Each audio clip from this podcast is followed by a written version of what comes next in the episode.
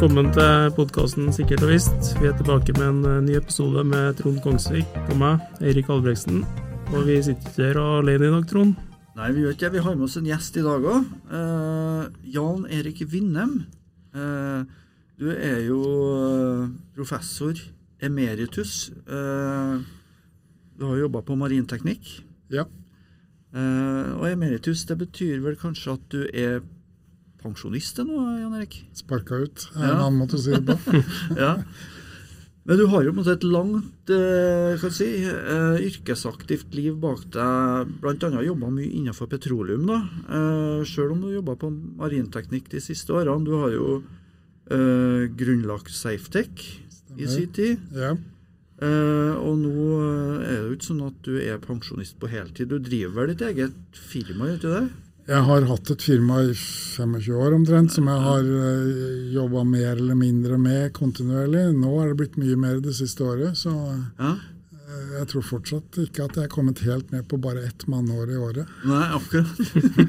ja, det, det er jo bra. Og du har jo òg markert deg i media i det siste, har vi jo sett. Bl.a. blant annet i forbindelse med denne brannen på Melkøya eh, i Hammerfest. Det er jo det her Equinor-eide anlegget som prosesserer naturgass fra, fra Snøhvit-feltet. Ja. Barentshavet. Og det eksempelet der er jo relevant for temaet i dag, der vi tenkte å diskutere forholdet mellom effektivitet og effektivisering og, og sikkerhet. Og med, kanskje da med et spesielt fokus på, på petroleumsindustrien. altså kan det være sånn at man effektiviserer så mye at man måtte svekke barrierene, svekke sikkerhetsstyringa, eh, og dermed øke sannsynligheten både for storulykker og, og personulykker. da. Så, så det her er jo på en måte ei kjent, eh, kjent problemstilling eh, innenfor for sikkerhetstenking. da. Ja. Og den hendelsen på, på Melkøya den har vel helt klare koblinger til vedlikehold. Det er vel en brann som starter i et uh, filter pga. mye insekt. Og oppe i nord der så er det vel en del insekt på sommerstid. Ja, det kjenner jo vi som har vært i militæret i Finnmarksdraktene. Men uh, også Petroleumstilsynet kom jo med en granskingsrapport uh, på den hendelsen her Ja. uh, i april i, i år. Der de peker på vedlikehold og risikostyring, ledelse, organisering som viktige påvirkende faktorer. Og det her eh, førte jo til at du gikk ut i, i Dagens Næringsliv Jan Erik, og sa at det her var en eh, planlagt ulykke. Hva legger du i det? Ja, for det første så kan vi jo si at for den som har jobba noen tiår, eh, kanskje mange tiår til og med, i denne her bransjen, så, så er jo det med gassturbiner det er jo et eh, hva skal vi si, kjent problembarn. Mm. Så, så sånn sett så er det jo ikke veldig overraskende, men eh, det som jeg syns var overraskende, det var at den eh, først sier at i 2016 så skal vi gå fra eh, kalenderbasert vedlikehold til tiltans, tilstandsbasert vedlikehold. Mm.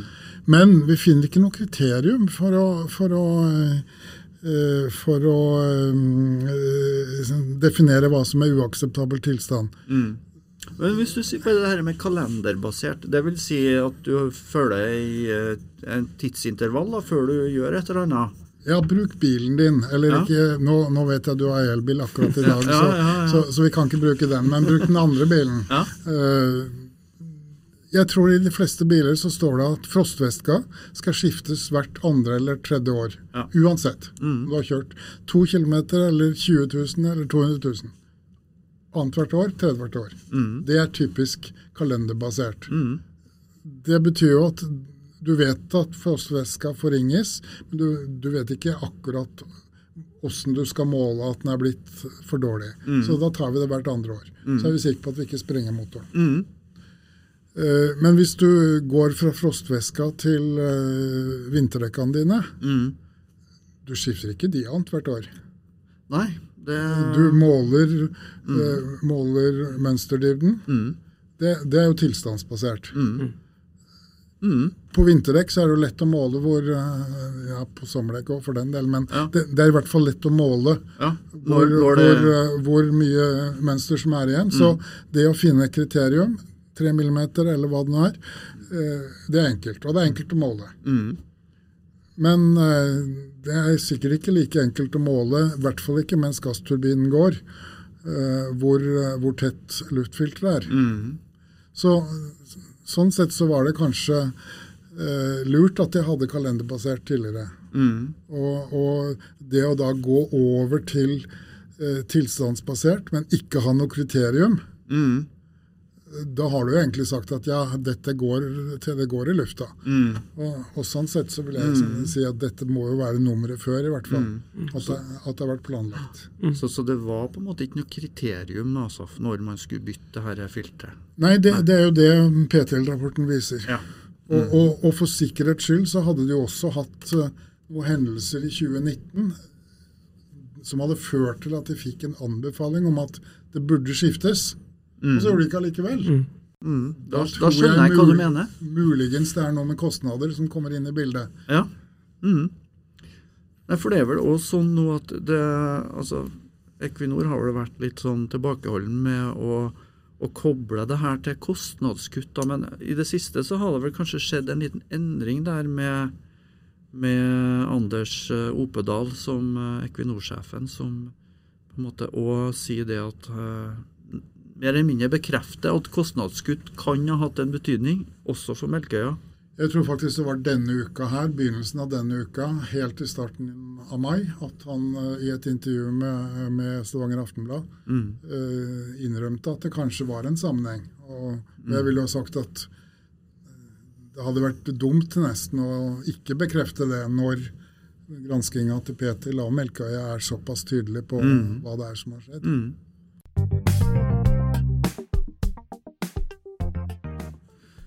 Hvis en prøver å løfte blikket litt og se på petroleumsindustrien litt sånn i, i stort eh, og Hvis en ser på de økonomiske rammebetingelsene og, og hvordan de har endra seg de senere årene, eh, på hvilken måte har, har de her eh, rammebetingelsene endra seg, som du ser det? Sånn som jeg ser det, så, så, så skjedde det jo veldig mye i etterkant av det store oljeprisfallet i eh, 2013-2014. Mm. Det er jo nesten en industri som, som på sett og vis er snudd helt om. Eh, Mm. Nå var det jo et eh, oljeprisfall i fjor òg, men Mm. det var så kortvarig at det ser ikke ut som det har hatt eh, noe Mm. vesentlig effekt, i, på samme måte i hvert fall. Mm. Men det, det, det er jo skjedd eh, store organisatoriske endringer med reduksjon av ansatte og med eh, skifte eh, sånn at underleverandører overtar mer som egne ansatte gjorde før. Mm. Folk roterer mye mer mellom innretninger. Mm. Det betyr jo f.eks. at lokalkunnskapen på Mm. den spesielle innretning som folk kanskje har jobbet på i 20-25 år, Mm. forsvinner nærmest. Ja, snakk om sånn ambulerende vedlikeholdsteam, eh, på et tidspunkt i hvert fall. Altså at man har et team som server egentlig flere innretninger, da. Og, og reiser litt imellom. Ja. Mm. Og, og, og, jeg liker jo ofte å illustrere en del av disse effektene med å ta noen konkrete eksempler. Og, og eh, når det gjelder det med, med mangel på lokalkunnskap, Mm. så, så hadde jo Equinor en veldig stor og stygg eh, og kjempefarlig, for å si det sånn, gasslekkasje i 2012. Mm. Som nettopp, eh, delvis i hvert fall, kan eh, forklares med mangelen på lokalkunnskap. Mm. Heimdal-plattformen ble satt i drift i 1985, så den er gammel. Mm. Eh, Det var folk på plattformen som hadde vært der sannsynligvis eh, mer og mindre siden tidenes morgen. Mm. Men akkurat da en eller annen operasjon skulle gjøres, så var vedkommende og spiste lunsj. Så da tok de den nærmeste, som var en, en eh, fersking, for å kalle det det, Mm. og ba han å gjøre den, den spesielle jobben som skulle gjøres. Og Mm. det førte til at ventiler ble eh, åpnet og lukket i feil rekkefølge. Mhm. som jeg er helt sikker på at denne erfarne ikke- aldri hadde funnet på å gjøre. Mm. Men øh, den som ikke hadde erfaring, og som heller ikke hadde vært med på å å, å forberede jobben, Mm. øh, åpnet da ventiler i gal rekkefølge, som førte til at øh, det ble overtrykking av en del av rørsystemet, og 3,5 tonn gass øh, øh, ble sluppet ut på øvre dekk. Mm. Mm. Så, så, så det med lokalkunnskap, det, det, det tror jeg er I hvert fall for de gamle plattformene. Og vi har Ja. jo etter hvert eh, veldig mange av de. Ja. Statfjord-plattformer er uh, veldig gamle. Gullfaks-plattformer, Oseberg-plattformer, Snorre-plattformer. Det er massevis av gamle plattformer. Ja. Og det å da å, for mye i hvert fall svekke den, den lokalkunnskapen som de kan være veldig avhengig av, det tror jeg er kjempeskummelt. Mm. Når det ikke er standard løsninger, for å kalle det Jeg husker jo bare for å ta et eksempel fra ettersom vi er inne på bil. Jeg hadde jo en gammel Peugeot i, i gamle dager.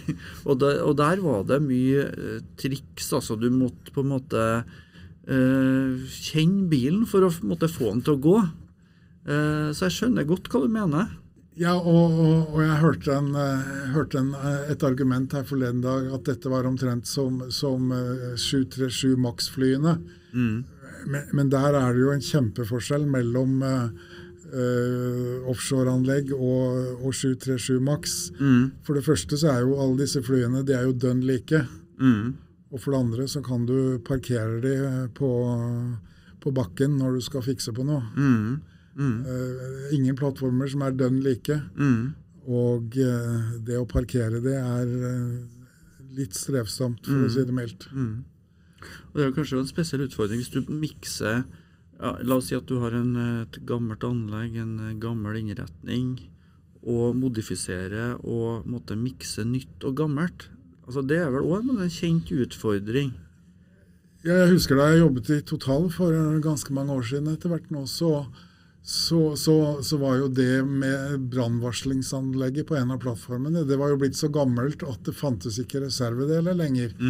Eh, og dette var jo før, uh, før internett sin tid, hadde jeg nær sagt. Sånn at det å prøve å finne ut hvem som kunne sitte på noen gamle kretskort rundt omkring i verden, det var jo et studium i seg sjøl, jeg nær sagt.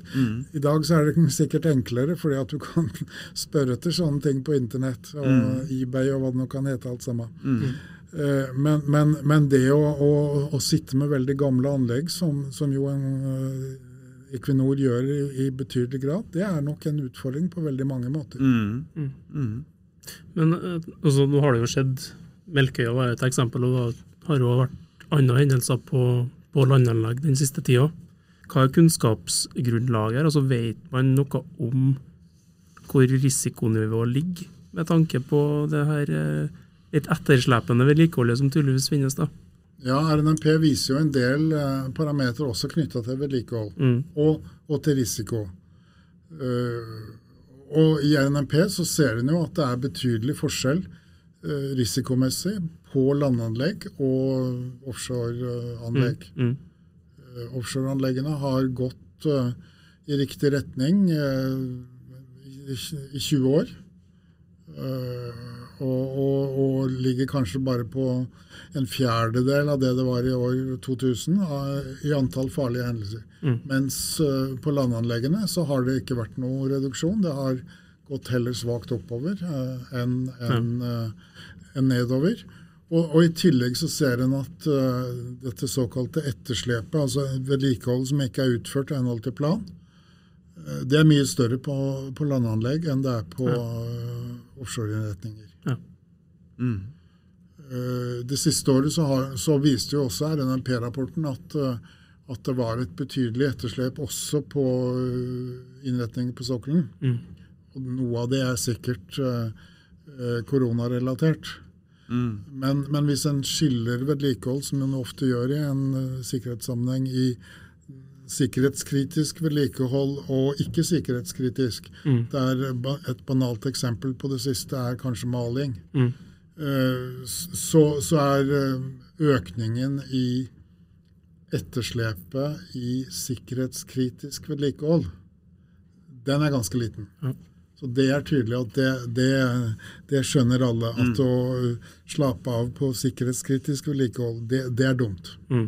Det er nærmest uh, som å planlegge for noe fælt, Ja. hadde jeg sagt. Nei, så Innenfor sikkerhetstenkinga så er jo det her med altså Målkonflikter er jo, er jo et kjent perspektiv. da. Altså, Vi vet jo at sikkerhet koster jo. altså Det å ha ekstra folk, ekstra barrierer osv., det koster jo penger. Og, og samtidig så skal man jo være konkurransedyktig, og man må forholde seg til den prisen man får f.eks. På, på olje. da. Eh, så, så det, det spørsmålet da blir jo hva er på en måte sikkert nok? Og da er vi jo inne på det her alarp-prinsippet, som egentlig vel går ut på at sikker, eller risikoen skal være så lav som det er praktisk mulig å få det til. Ja, det er jo, Men jeg tenker på en måte, det virker som at det kan være Er det her et bevegelig mål? Altså et bevegelig prinsipp? ja, det er det i aller høyeste grad. Ja. Jeg vil jo hevde at noen ganger så er det at man sier at uh, man gjør alarmvurderinger, Mm. det er bare en uh, fin måte å si at vi gidder ikke å gjøre mer. Mm. Vi bruker ikke noe mer penger. Mm. Mm. Eh, og, og, og, og veldig ofte så, så bruker man da beregninger av kost og nytte. Mm. Så sier man nei, det blir altfor dyrt å gjøre, det, øh, gjøre det sikrere. Det, det gjør vi ikke. Mm. Men Jeg husker for uh, nesten 20 år siden så prøvde jeg å skrive en retningslinje for å gjøre alarmvurderinger. Mm. Og da var kost-nytte-beregninger det var den minste faktoren. Mm. Alle de mer faglige eller kvalitative vurderingene om beste praksis, om øh, så godt som det overhodet lot seg gjøre, osv., osv., Mm. det er mye viktigere. Mm. Mm. Men, men, men det er så lett for at en bare setter likhetstegn mellom A-larp og kost-nytte. Mm. Og da er det min uh, uærbødige påstand kanskje at uh, Mm. kost-nytte-beregninger den kan manipuleres til å få akkurat det svaret du vil. Mm. Mm. Fordi at du kombinerer kjempestore kostnadstall med bitte små sannsynligheter. Mm. Mm. Og hvis du bare justerer bitte lite grann på Mm. tallene, Mm. så kan det fyke opp og ned Mm. med flere TIR-potenser. Mm. Nei, for Det er ofte et spørsmål vi får av studenter. da. Oh, ja. Eh, Hva er alarp? Og da pleier jeg bestandig å vise den eh, definisjonen som du har, der alarp ikke bare handler om kost-nytte, men det handler om den iboende design, eller at du følger beste praksiser, kan òg være en måte å demonstrere at risikoen er Mm. alarp på. Ikke bare én måte, den er sannsynligvis viktigere. Eh, Det var jo en i Stavanger og jeg som skrev en bok om eh, dette her i 2007, tror jeg det var. Mm. Eh, Jeg tror ikke det er noen som har kommet opp med og sagt at det er feil, det som står der. Men det er ikke så mange som følger det. Så vi får prøve å lære opp studentene våre i hvert fall til å tenke annerledes. Sånn I forlengelsen av risikostyring, da, så Petroleumstilsynet har jo presisert definisjonen av risikobegrepet de senere årene til, til å definere risiko som konsekvensene av virksomheten med tilhørende usikkerhet. og Der er vel godt kobla til ISO 31000 risikostyring òg. Ja, det er det nok. Men, hva- men hva betyr det her? Altså, får vi noe bedre sikkerhet av å bruke det her begrepet? Nei, du gjør ikke det. Eh, Det er mulig at eh, Petroleumstilsynet ikke er enig med meg, men min påstand er at du får ikke noe bedre sikkerhet da, men du får kanskje bedre eh, risikovurderinger. Mm. Mm. Jeg, jeg jobber for tiden en god del for en annen myndighet som heter NVE, Mm. og, og hjelper de med å lage en risikobasert tilsynsmetodikk. Eh, og der har vi gått fra sannsynlighet til usikkerhet. Mm. Uh, men det er jo fortsatt fordi at de skal vurdere risikoen Mm. på de forskjellige anleggene, sånn at de kan sette tilsynsfokuset på de som, er, uh, som har høyest risiko. Mm. Mm. Men, men, men årsaken til at vi har gått fra sannsynlighet til usikkerhet, det er jo fordi at det er relativt få ting du kan regne på med matematisk, statistisk sannsynlighet. Men det er veldig mange forhold som spiller inn. Mm. F.eks. Når, når du hører om anlegg som har gått uten uh, det som kalles vassdragsteknisk ansvarlig Mm. uh, i mange år, mm. som du er forplikta til å ha etter damsikkerhetsforskriften. Men allikevel så, så, går det kanskje fem år eller mer før de klarer å få en på plass. Ja. Da er det vanskelig å sette et sannsynlighetstall på hva det betyr i forhold til mm. sannsynligheten for dambrudd, men eh, det er åpenbart at usikkerheten eh, blir vesentlig større i den organisasjonen uh, enn om de hadde hatt uh, fagkunnskapen på plass. Mm. Mm. Så det, det, tror jeg på en måte er Det er kanskje litt enkelt, men, men jeg tror, tror, det er ganske dekkende allikevel at det er sikkerhetsvurderingene som blir bedre, ikke nødvendigvis uh, sikkerheten. Ja, ris Risikovurderinga blir bedre. Ja, ja, ja, ja, sorry. Det kan jo være noen av våre lyttere som er litt usikre, skulle jeg si, og så ikke er helt kjent med hva vi legger i begrepet uh, usikkerhet. Kan du si litt om det, du? Nei, Det, det, det er jo å, å, å, trekke inn en mye videre uh, tilfang av argumenter og aspekter og faktorer og forhold. Mm som påvirker eh, hvor, hvor, hvor, trygt det er. Mm. Så kunnskapsgrunnlaget kan kanskje et godt ord å bruke? Eh, grunnlaget er jo et, et, av ordene som Petroleumstilsynet bruker mm. når de skal snakke om dette her. Mm. Og Det andre de snakker om, det er jo at det skal være eh, robuste eh, beslutninger. Mm som, som, som, tåler at det er litt grann usikkerhet kanskje om et tall skal være 0,4 eller 0,2. Mm. Men allikevel så bør helst beslutninga bli den samme. Mm. Mm. Uh, så, så, så, jeg er enig i at det er en fornuftig, uh, veldig fornuftig måte å, å utvide risikobegrepet på. Mm. Mm. Det som jeg kanskje ikke er like happy med, det er at den definisjonen Petil bruker, uh, antyder at det kan være noe som heter positiv risiko. Og det syns jeg blir litt meningsløst. Ja. ja, det jo nytt for meg. Eh, hva de legger i det? At, eh... Nei, jeg vet sannelig ikke hva de legger i det, for å si det sånn. Risk-taking. jeg, jeg, jeg, jeg, tror ikke jeg ville i hvert fall jobbe på en plattform og si at jeg hadde et uh, positivt forhold til risiko. Nei. Det er vel sånn som ekstremsportutøvere driver på med tida. Ja, Søker sant. positiv risiko for opplevelsen ja, sin skyld. Spenningssøkere, ja. ja. Mm. Jeg tror ikke vi bruker det på sokkelen. Mm. Det er jo interessant at uh, andre sektorer begynner å ta i bruk der òg. Du nevner jo NV.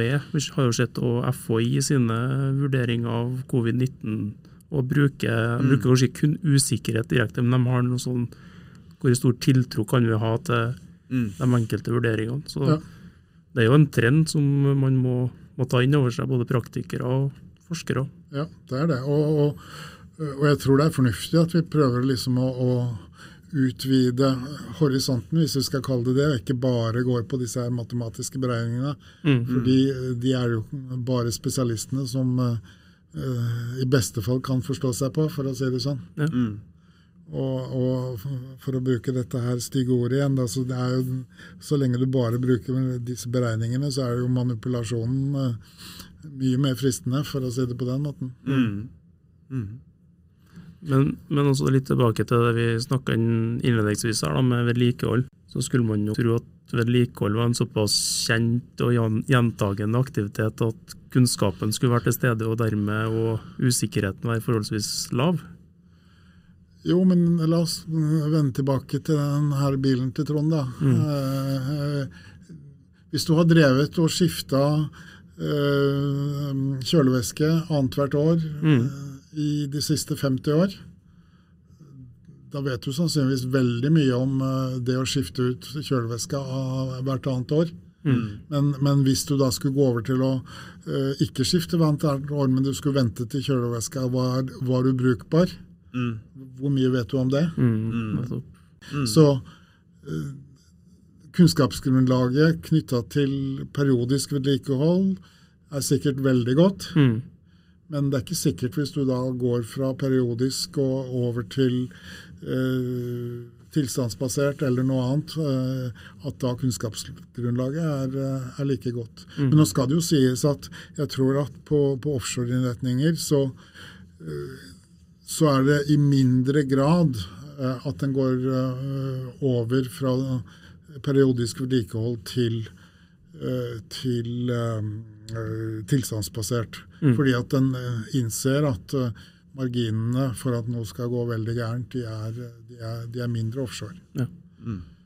Så på, på, helt nye plattformer som ennå ikke er bygd, så snakker du om at ja, vi skifter ut, men da, da, da, skifter vi ikke ut en ventil, men vi skifter kanskje ut hele modulen. Mm. Uh, og trekker alt på land og setter inn en nytt en.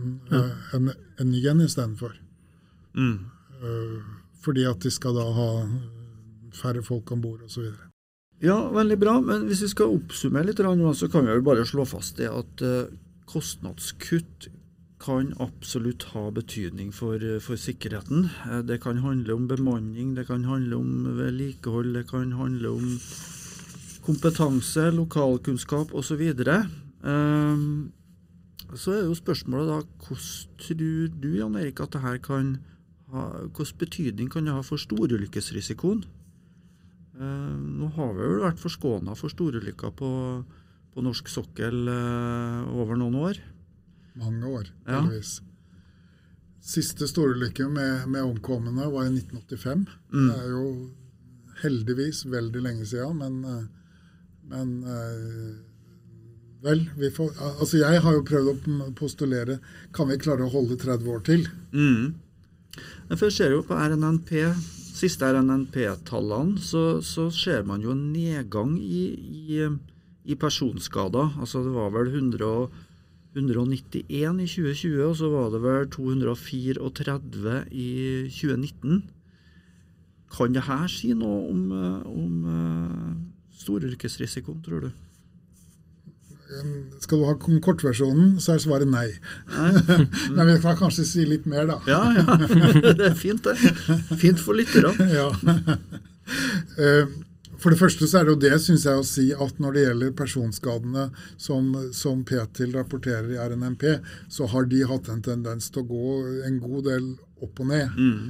Uh, hele tida, egentlig. Mm. Så, så jeg tror at det er uh, litt kampanjestyrt. At f.eks. Mm. ett år så har Aker BP hatt en kampanje på et eller annet, og neste år så er det kanskje Equinor, og tredje året så er det Wintershall og mm. Hvem som helst, hadde jeg nær sagt. Mm. Så, så, og så blir det noen sånne effekter da, som, som, gjelder for de plattformene som det har vært uh, kampanjer på. Uh, og så blir kampanjen avslutta, og så, så, er vi tilbake igjen, uh, dessverre, til status quo. Det, det er nå det ene momentet. Det andre momentet, og det, jeg, det er nok mer, mye mer viktig. Mm. Og igjen, hvis vi skal ta et konkret eksempel. Den dagen da uh, den uh, amerikanske boreplattformen uh, Deepwater Horizon mm. i 2010, i april var det vel, i 2010, den dagen de fikk en kjempeutblåsning som det aldri har vært så stor forurensning fra i noe sted i verden. Mm. Så feira de at de hadde gått så og så mange løpene var millioner arbeidstimer uten personskader. Mm. Og det på en måte det tror jeg dessverre svarer ut spørsmålet ditt. Ja. Mm. Uh, på overflaten i hvert fall så tror jeg det er veldig liten sammenheng. Mm det er nok sikkert noen uh, bakenforliggende årsaker mm. som du kan finne sammenhenger mm. med allikevel. Mm. Men, men, men, hvis du ser på det litt sånn makro, mm. så tror jeg ikke at uh, det er lett å påvise noen sammenheng mellom arbeidsulykker og, og, og storulykker. Mm. Mm. Nei, Vi får for all del håpe at vi unngår en, stor, en ny storulykke på norsk sokkel. For det er jo helt klart. Men ja, spesielt i disse dager som, som Kielland-ulykken er såpass ja. uh, mye i, i, i, media og i diskusjonen, så, så, så, må vi for all del håpe at vi Men jeg må innrømme at jeg har blitt mer urolig for sånne ting uh, mm. de senere årene. Mm. Fordi jeg syns det er så mange eksempler på at det gjøres endringer som man kanskje ikke helt innser konsekvensene av på, mm. på lang sikt. Mm. Og Noe av problemet med storulykker er jo at du kan ha en eh, gradvis forringelse gjennom dårlig vedlikehold over mange år. Mm.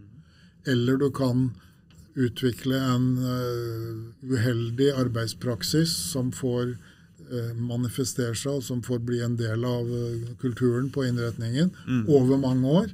Mm. Men det er først den dagen at det er en annen barriere som dessverre tilfeldigvis er satt ut av drift. Mm. Det er først da det smeller. Mm. Og det kan være ti år siden du mm. fikk egentlig den, den, dårlige utviklingen på, på vedlikeholdet, f.eks. Ja. Så, så og det tror jeg er veldig vanskelig å ta inn over seg, at det er så lange tidsforsinkelser. Ja. Sånn at, eh, at, derfor så er det lett at noen ting kan glippe, dessverre. Ja. Mm. En sånn type latente svekkelser. Ja. Uh, mm. ja. Eh, ellers så kom jeg på en ting eh, som, som, som, vi kunne ha nevnt også da du eh, da du innleda her med, med um, arbeidsulykker og, og, uh, og storulykker. Mm. Fordi at uh, Safetech gjorde for uh, nærmere ti år siden en studie av landbasert helikoptertrafikk. Ja, som ble sammenligna med offshore-helikoptertrafikken. Mm. Og det var jo en faktor på mer enn ti i forskjell mm. på ulykkeshyppigheten. Mm. Og En av de interessante tingene som de påviste, eh, ved at de kjørte ganske mange intervju, eh, intervjuer med, med, piloter, det var at når eh, selskapet som pilotene var ansatt i, hadde dårlig økonomi, så var det helt tydelig at da strakk pilotene seg mye lenger, mm. kanskje for langt, i å forsvare at de kunne gjøre ting som kanskje ikke helt var etter boka. Mm. Men det kunne føre til at uh, oppdraget ble gjort uh, til kundens uh, ønske, mm. og at det kunne føre til bedre økonomi i selskapet. Mm. Og det, det, at en klarte å påvise det, mm. det syns jeg er veldig interessant, for jeg tror det er mange sånne mekanismer ute og går. Mm. Også blant folk som er ansatt i et underleverandørfirma som jobber på en innretning på sokkelen. Mm. Der vi vet at kontraktene er blitt pressa, og ratene er mye dårligere. og mm. Tida de har uh, til å gjøre jobben, er blitt kortere, osv. osv. Mm. At det ikke er sånne mekanismer du finner igjen der, det tror jeg er naivt å, mm. å, å, å tro at ikke du finner igjen mm. samme, samme mm. mekanismene. Mm. Og det, det, eh, er også en sånn ting som du ikke klarer å regne på med sannsynlighet. Men, men, hvis du snakker om usikkerhet, så er det åpenbart at det er en faktor. Mm. Det er jo flere hendelser historisk sett der vi har sett at det er en sammenheng mellom det her med effektivisering og sikkerhet. og Klassiske eksempler er jo romfartsulykker i USA med Challenger-ulykker, og, mm. og, Colombia der Challenger og NASA i 96 da med Challenger-ulykker hadde jo sånn mantra med alt skulle være faster, better og cheaper, men ja. kanskje ikke safer. Mm. Uh, det er faktisk en veldig fin Netflix-serie om. Challenger-ulykka ja, som, som, illustrerer litt av, av, det her. Nei, for jeg tenker Hvis man ser det litt sånn i fugleperspektiv, så er det her med effektivisering, kostnadskutt, er jo på en måte en veldig aktuell problemstilling i mange bransjer, egentlig. da, at mm. man jeg tenker sånn Konkurransesituasjonen for mange bedrifter er, har jo på en måte blitt skjerpa de siste la oss si, 10-20 årene. og du har liberalisering av marked, du har eh, globale aktører som du konkurrerer mot. Så det er klart at du, det, det ligger jo noe i at du, du kan eh, fjerne barrierer eller svekke barrierer, eller eh, ikke sette inn kompenserende tiltak fordi man sparer penger, rett og slett, og må spare penger for å overleve. Så da tenker jeg at regulatorer i en sånn situasjon vil jo på en måte ha en viktig rolle da, i, i, på en måte det å sikre at her skal det være en minimumsstandard på ting, og at uh, sikkerheten uh, er noe som på en måte ikke blir en konkurransefaktor, men, men på en måte holdes utenom. da. Men jeg tror vel også at regulatorer kan risikere å bli utfordra, eh, de også. Jeg tror ikke mm. de kan forvente mm. at de skal sitte på en måte i uh, isolert og ikke være mm. påvirka av utenomverden det gjelder. Nei. Uh, det, det, er, det, er, mange såkalte evige sannheter innenfor uh, offshore sikkerhet. Mm. som Petroleumstilsynet til denne dag stort sett har klart å forsvare. Mm. Men jeg tror at det kan bli tøffere å forsvare det i de neste ja, 30 år, da, for å si det sånn. Mm. Og sjøfart, som er som er også, regulert av eh, internasjonale organ i stor grad. Uh, og der det kan kanskje òg være i noen tilfeller litt vanskelig å skille politikk og, og, og regulering eh, mer sånn generelt. da. Ja, jeg tror nok at, at Petroleumstilsynet sånn sett, de, de, sitter i en mer beskytta sandkasse, for å si det sånn, enn det, ja. en, en det Sjøfartsdirektoratet gjør. Mm. Absolutt. Mm. Og det, det ser en jo også Jeg tror det er et for stort tema å komme inn på her, men, men, men dette med flerbruksskip, som har vært uh, ja. et uh, hot topic, hadde jeg nær sagt, innenfor uh, offshore, mm. det, det, der kom jo det veldig tydelig til mm. syne. Mm. Mm. Ja, nei, men Det har vært en veldig hyggelig og lærerik prat med deg, Jan Erik. før vi runder av, har vi noe takeaways? Er det noe vi kan lære av det vi har uh, snakka om? Jeg har jo prøvd å tenke på et par punkter, og de har overskriften 'vær mistenksom', begge to. Mm. For det første, hvis noen eh, eh, hevder at de ikke kan finne bevis på at kostnadskutt fører til eh, effekt på sikkerhet, og da negativ effekt, selvfølgelig, mm. da vil jeg være mistenksom. Mm. Og, og, og, kanskje enda mer hvis noen sier at dette har vi gjort en A-larp-vurdering av, og, og, det er ikke noe mer vi kan gjøre. Mm. Da vil jeg fortsatt også være ganske mistenksom mm. uh, på at uh, ja, kanskje er det bare en ren kost-nytte-vurdering uh, som er gjort, og, mm.